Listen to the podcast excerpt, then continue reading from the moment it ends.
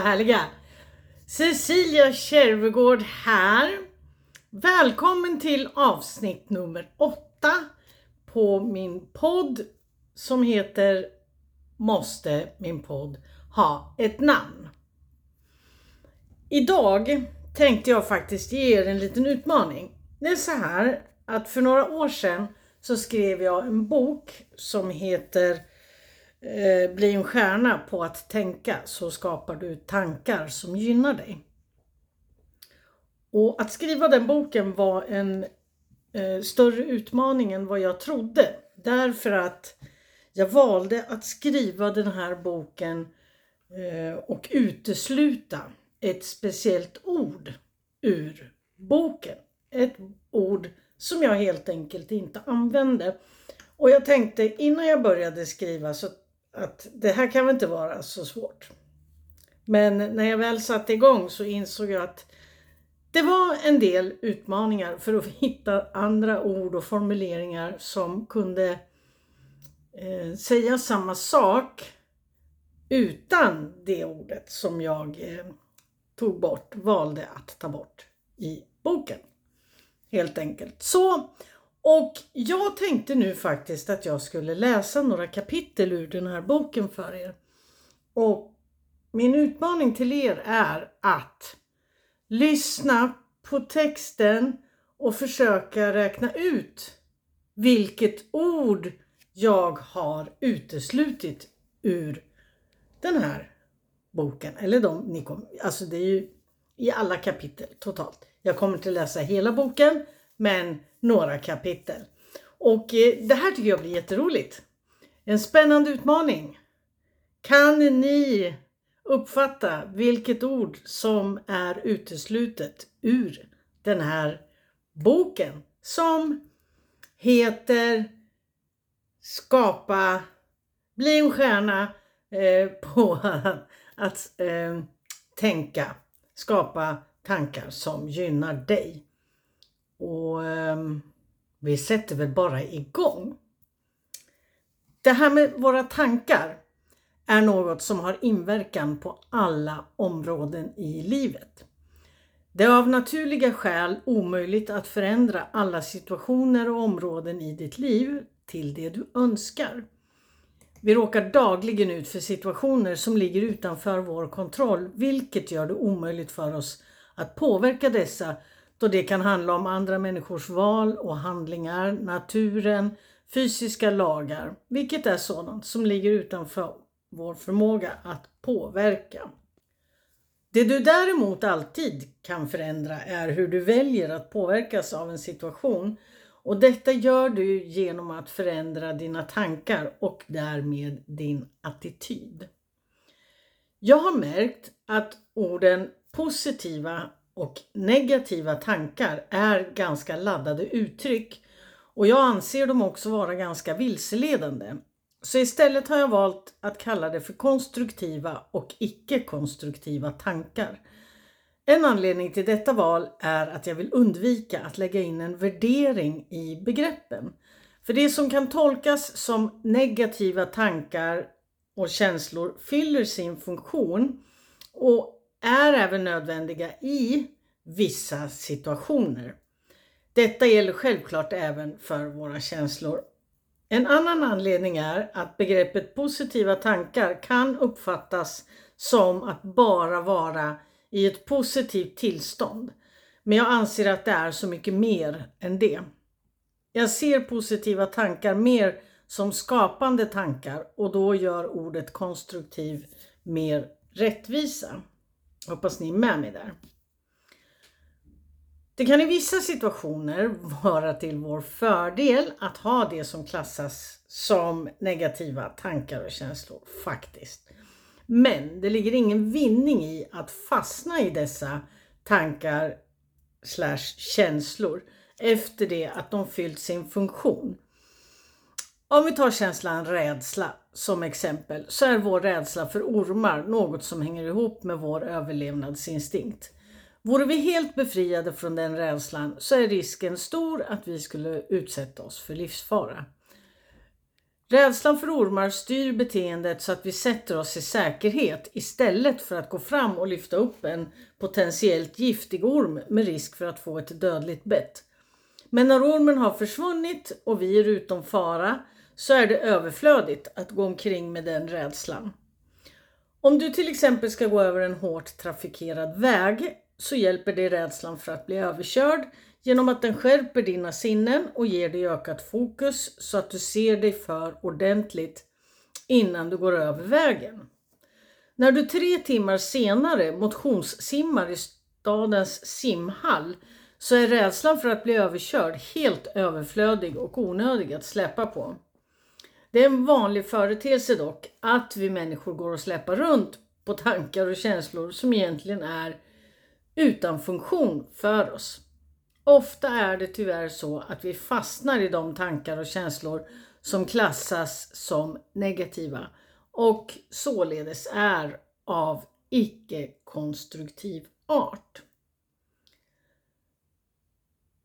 Så ett syfte här är att öka uppmärksamheten kring det och erbjuda olika verktyg och strategier för att ta sig ur dessa negativa tankespiraler för att byta ut dem mot positiva spiraler. I resten av det här avsnittet, som är avsnitt 8, så kommer jag att benämna negativa tankar som icke-konstruktiva tankar. Och positiva tankar kommer jag benämna som konstruktiva tankar. Så ni kommer ihåg det resten av det här avsnittet. Så fortsätter vi och kommer till ett avsnitt som heter Fantasi och verklighet. Hjärnans förmåga att skilja på fantasi och verklighet är begränsad då den använder andra kriterier när den sållar all, information som vi tar in genom våra sinnen. Hjärnan sorterar och bearbetar all information som kommer och hanterar den bland annat utifrån hur viktig den är. Eftersom hjärnan underlåter att skilja på fantasi och verklighet så behandlar den all information den får som om den är sann. Vi kan ta leendet till exempel. När vi blir glada och ler så utsöndras till exempel endorfiner i hjärnan. Dessa brukar även kallas för lyckohormoner. Dessa gör att vi känner välbehag och tillfredsställelse. Om du ler på låtsas så kommer dessa hormoner att, att utsöndras. Och hur kan det komma sig när leendet är oäkta? Jag brukar låta åhörarna på mina föreläsningar göra vad som kallas för det magiska penntricket. Vilket går ut på att de får ta en penna och sätta på tvären i munnen och sätta mellan tänderna långt bak i munnen. Så pennans ändar är ända bak i mungiporna, långt bak så mungiporna dras bakåt mot öronen. Det som händer då är att du använder exakt samma ansiktsmuskler som aktiveras när du ler ett spontant leende. När hjärnan känner av att de musklerna spänns så får den signalen att du är glad och sätter genast igång att utsöndra endorfiner.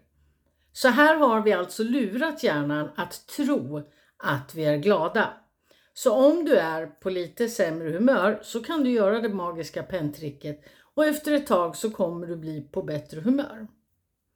Vill du, å andra sidan, bli på sämre humör så kan du sätta in pennan på tvären och hålla fast den mellan läpparna så du får som en sur snipmun. Då använder du de ansiktsmuskler muskler, muskler som aktiveras när du är sur och hjärnan får signaler om att du är sur och agerar därefter. Under mina föreläsningar så brukar jag även låta åhörarna göra ett annat experiment som bevis på att hjärnan saknar förmåga att skilja på fantasi och verklighet. I det här experimentet får åhörarna sluta sina ögon och föreställa sig att de håller en citron i handen som de efter en stund får skära ut en klyfta från. De allra flesta som utför det här experimentet märker att de får en kraftigt utökad salivutsöndring, vilket är kroppens naturliga reaktion när vi äter eller dricker något som är surt. Syftet med salivutsöndringen är att snabbare skölja bort det sura ur munnen. Men i det här fallet så sätter kroppen igång denna funktion utan att det finns någon citron. Citronen finns endast i fantasin, vilket utgör ett tydligt bevis på att hjärnan saknar förmågan att skilja på fantasi och verklighet. Och med den insikten inser du snart vad det kan betyda för dig när du skapar dina tankar. Lek med tanken en stund att allt som du säger till din hjärna, oavsett om det är fantasi eller verklighet, så ser hjärnan det som en verklighet. Då inser du snart vikten av att se till att det du ger din hjärna är sådant som du verkligen vill ha i ditt liv. Så om du vill ha något som du saknar i ditt liv och fokuserar väldigt mycket på det så kommer din hjärna uppmärksamma sådant som hjälper dig att komma närmare det du önskar. Du kommer se möjligheter som du tidigare skulle ha förbisett för att du hade fokus på något annat. Du kommer hitta just den informationen du behöver, möta just den personen, hamna i just de situationerna, råka läsa just den annonsen, hitta just den boken, ramla över just den hemsidan eller vara på just den platsen som hjälper dig att komma närmare det som du önskar. Men för att det här ska ske så är det viktigt att ditt tankefokus är starkt och det finns olika metoder för att förstärka det. Viktigt är att minimera eller helt eliminera tankar som strider mot det du önskar. Börjar du istället fokusera på hur du ska nå det du önskar så finns risken att du börjar tvivla för du kan endast se de lösningar som du känner till. Många gånger är det så att lösningen står att finna utanför sfären kring det du känner till. Så när du hamnar i tankar kring att det är omöjligt så styr du ditt fokus från det du önskar till tanken att det är omöjligt. Och då fokuserar din hjärna på det omöjliga. Kapitel 2 Tankar föder tankar. Att tankar föder tankar låter kanske väldigt enkelt och självklart. Ändå agerar väldigt många som om de är helt omedvetna om att det fungerar på det viset. Tänk dig att du sitter och pratar gamla minnen med en klasskamrat från förr. Ni sitter och skrattar åt roliga saker som ni minns från er skoltid. Och för varje minne som ni skrattar åt så minns ni något nytt som ni kan skratta åt. Och ni har då skapat en konstruktiv tankespiral där de nya minnena som följer kommer vara av samma natur. Glada, roliga minnen. Så de här minnena som du och din kompis gräver fram kommer från en tankeverksamhet som krävs för att rota runt i minnesbanken där det självklart finns både roliga och mindre roliga minnen. Och eftersom fokus tillsammans med din vän i just det här exemplet ligger på trevliga minnen som ni kan skratta åt så kommer tankarna att leta efter just sådana minnen som ni kan skratta åt.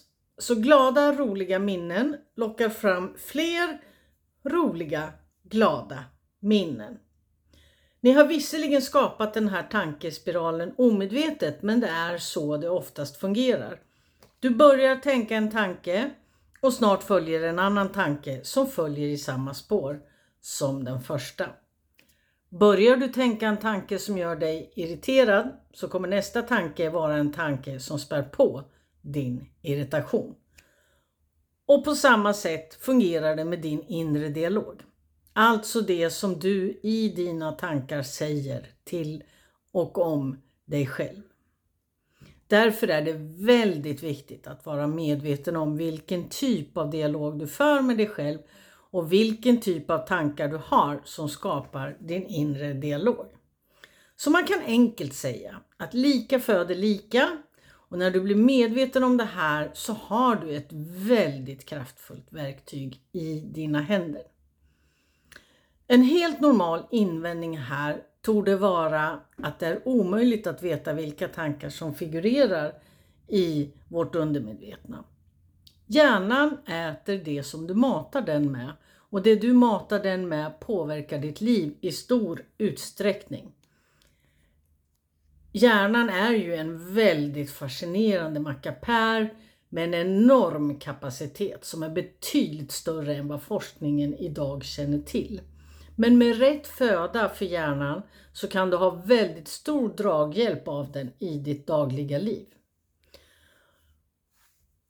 Och vad menar jag då med, med frågan vad matar du din hjärna med? Vi kan ta några exempel. Du tittar på en riktigt sorglig film och blir ledsen och kanske även gråter en, en skvätt. Du ser en riktigt rolig film, blir glad och skrattar.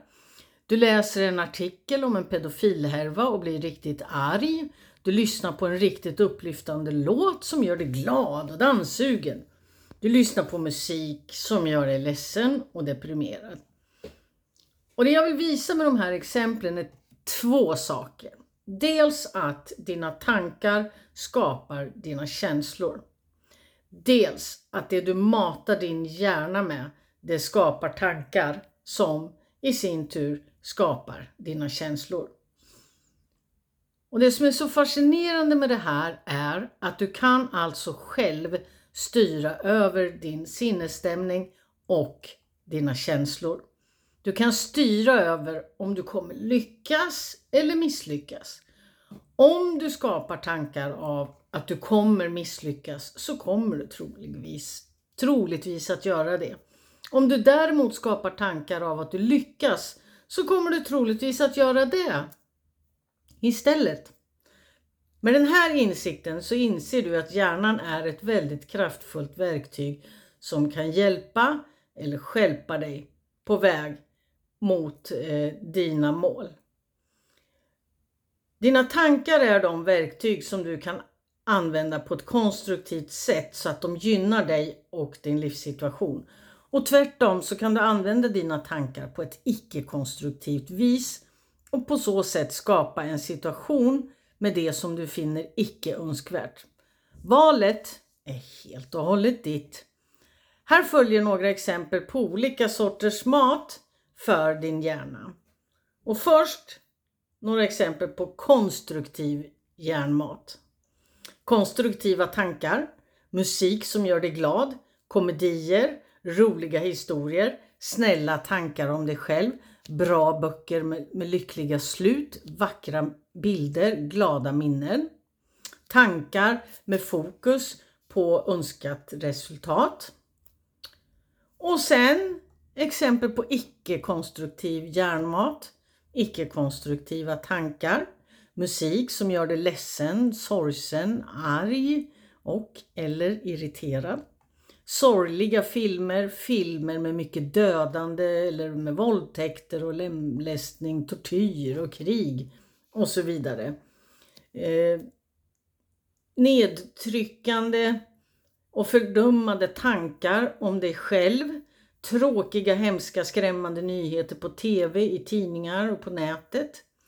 Böcker med sorgliga slut, sorglig handling eller med mycket död, blod, tortyr och liknande skrämmande hemska bilder med vidriga motiv, tankar med fokus på att det är omöjligt. Ja, det var alltså först exempel på konstruktiv tankemat och sen eh, icke-konstruktiv tankemat eller hjärnmat. Så vad matar du din hjärna med?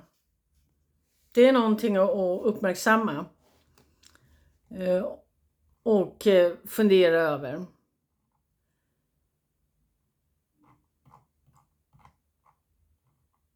Och en annan fascinerande sak med tankar är det här med ork och energi. Icke-konstruktiva tankar tar väldigt mycket mer energi, både mentalt och fysiskt. Anledningen till det är bland annat att icke-konstruktiva tankar har en förmåga att sätta sig i kroppen i form av muskelspänningar och det tar på krafterna att spänna musklerna en längre tid. Det har sin förklaring i att många av våra icke-konstruktiva tankar härstammar från vår överlevnadsinstinkt och för att överleva så rustar sig kroppen fysiskt på många olika sätt för att öka våra chanser till överlevnad. Ett sätt är då att bereda musklerna så vi blir starkare genom att öka bland annat blodtillförseln dit. När faran sen var över så har man ju lagt sig ner för att slappna av och kroppens system har återgått till det normala. Men går vi däremot omkring och ältar olika icke-konstruktiva tankar över längre period så stannar även kroppen kvar i det överlevnadstillståndet vilket kan leda till spänningar i musklerna. Så är du till exempel en person som gärna hemfaller åt ilskna tankar kommer du gå omkring med spänningar i dina muskler vilket tar väldigt mycket energi i längden. Det är omöjligt att vara riktigt, riktigt förbannad och totalt avslappnad samtidigt. Prova gärna det nästa gång som du känner dig arg och irriterad. du är så arg och irriterad och så försöker du att slappna av. Prova det. Som en motvikt mot det så får vi energi från konstruktiva tankar eh, och du känner dig stärkt, fri och lätt. Lätt till kropp och sinne och anledningen är att dessa konstruktiva känslor försätter oss i ett mer avslappnat läge. När du blir medveten om hur dina tankar och attityder påverkar hur du ser på din vardag så kan du också öka din medvetenhet om vilka tankar och attityder du har som begränsar din möjlighet till mer lycka i ditt liv. När du börjar bli medveten om vilka tankar och attityder du har som begränsar dig och ditt liv så kan du också välja att byta ut dem mot mer konstruktiva tankar och attityder som sätter ett stort leende på dina läppar betydligt oftare. Med det här i tankarna börjar kanske insikten om att vi till stor del styr våra liv med våra tankar och att det är vi själva som bestämmer hur våra liv ska se ut. Och en annan ljuvlig insikt är att det är mitt och ditt ansvar att styra över våra egna liv, vilket är en fantastisk gåva. Det är jag som väljer att vara stjärnan i mitt liv. Det är jag som kan välja konstruktiva tankar som föder livsglädje för mig. Så, vad säger ni? Har ni kunnat räkna ut vilket ord det är som jag har uteslutit ur boken? Eh, jag tänker så här att jag kommer att fortsätta nästa vecka eh, att läsa eh, i, från den här boken.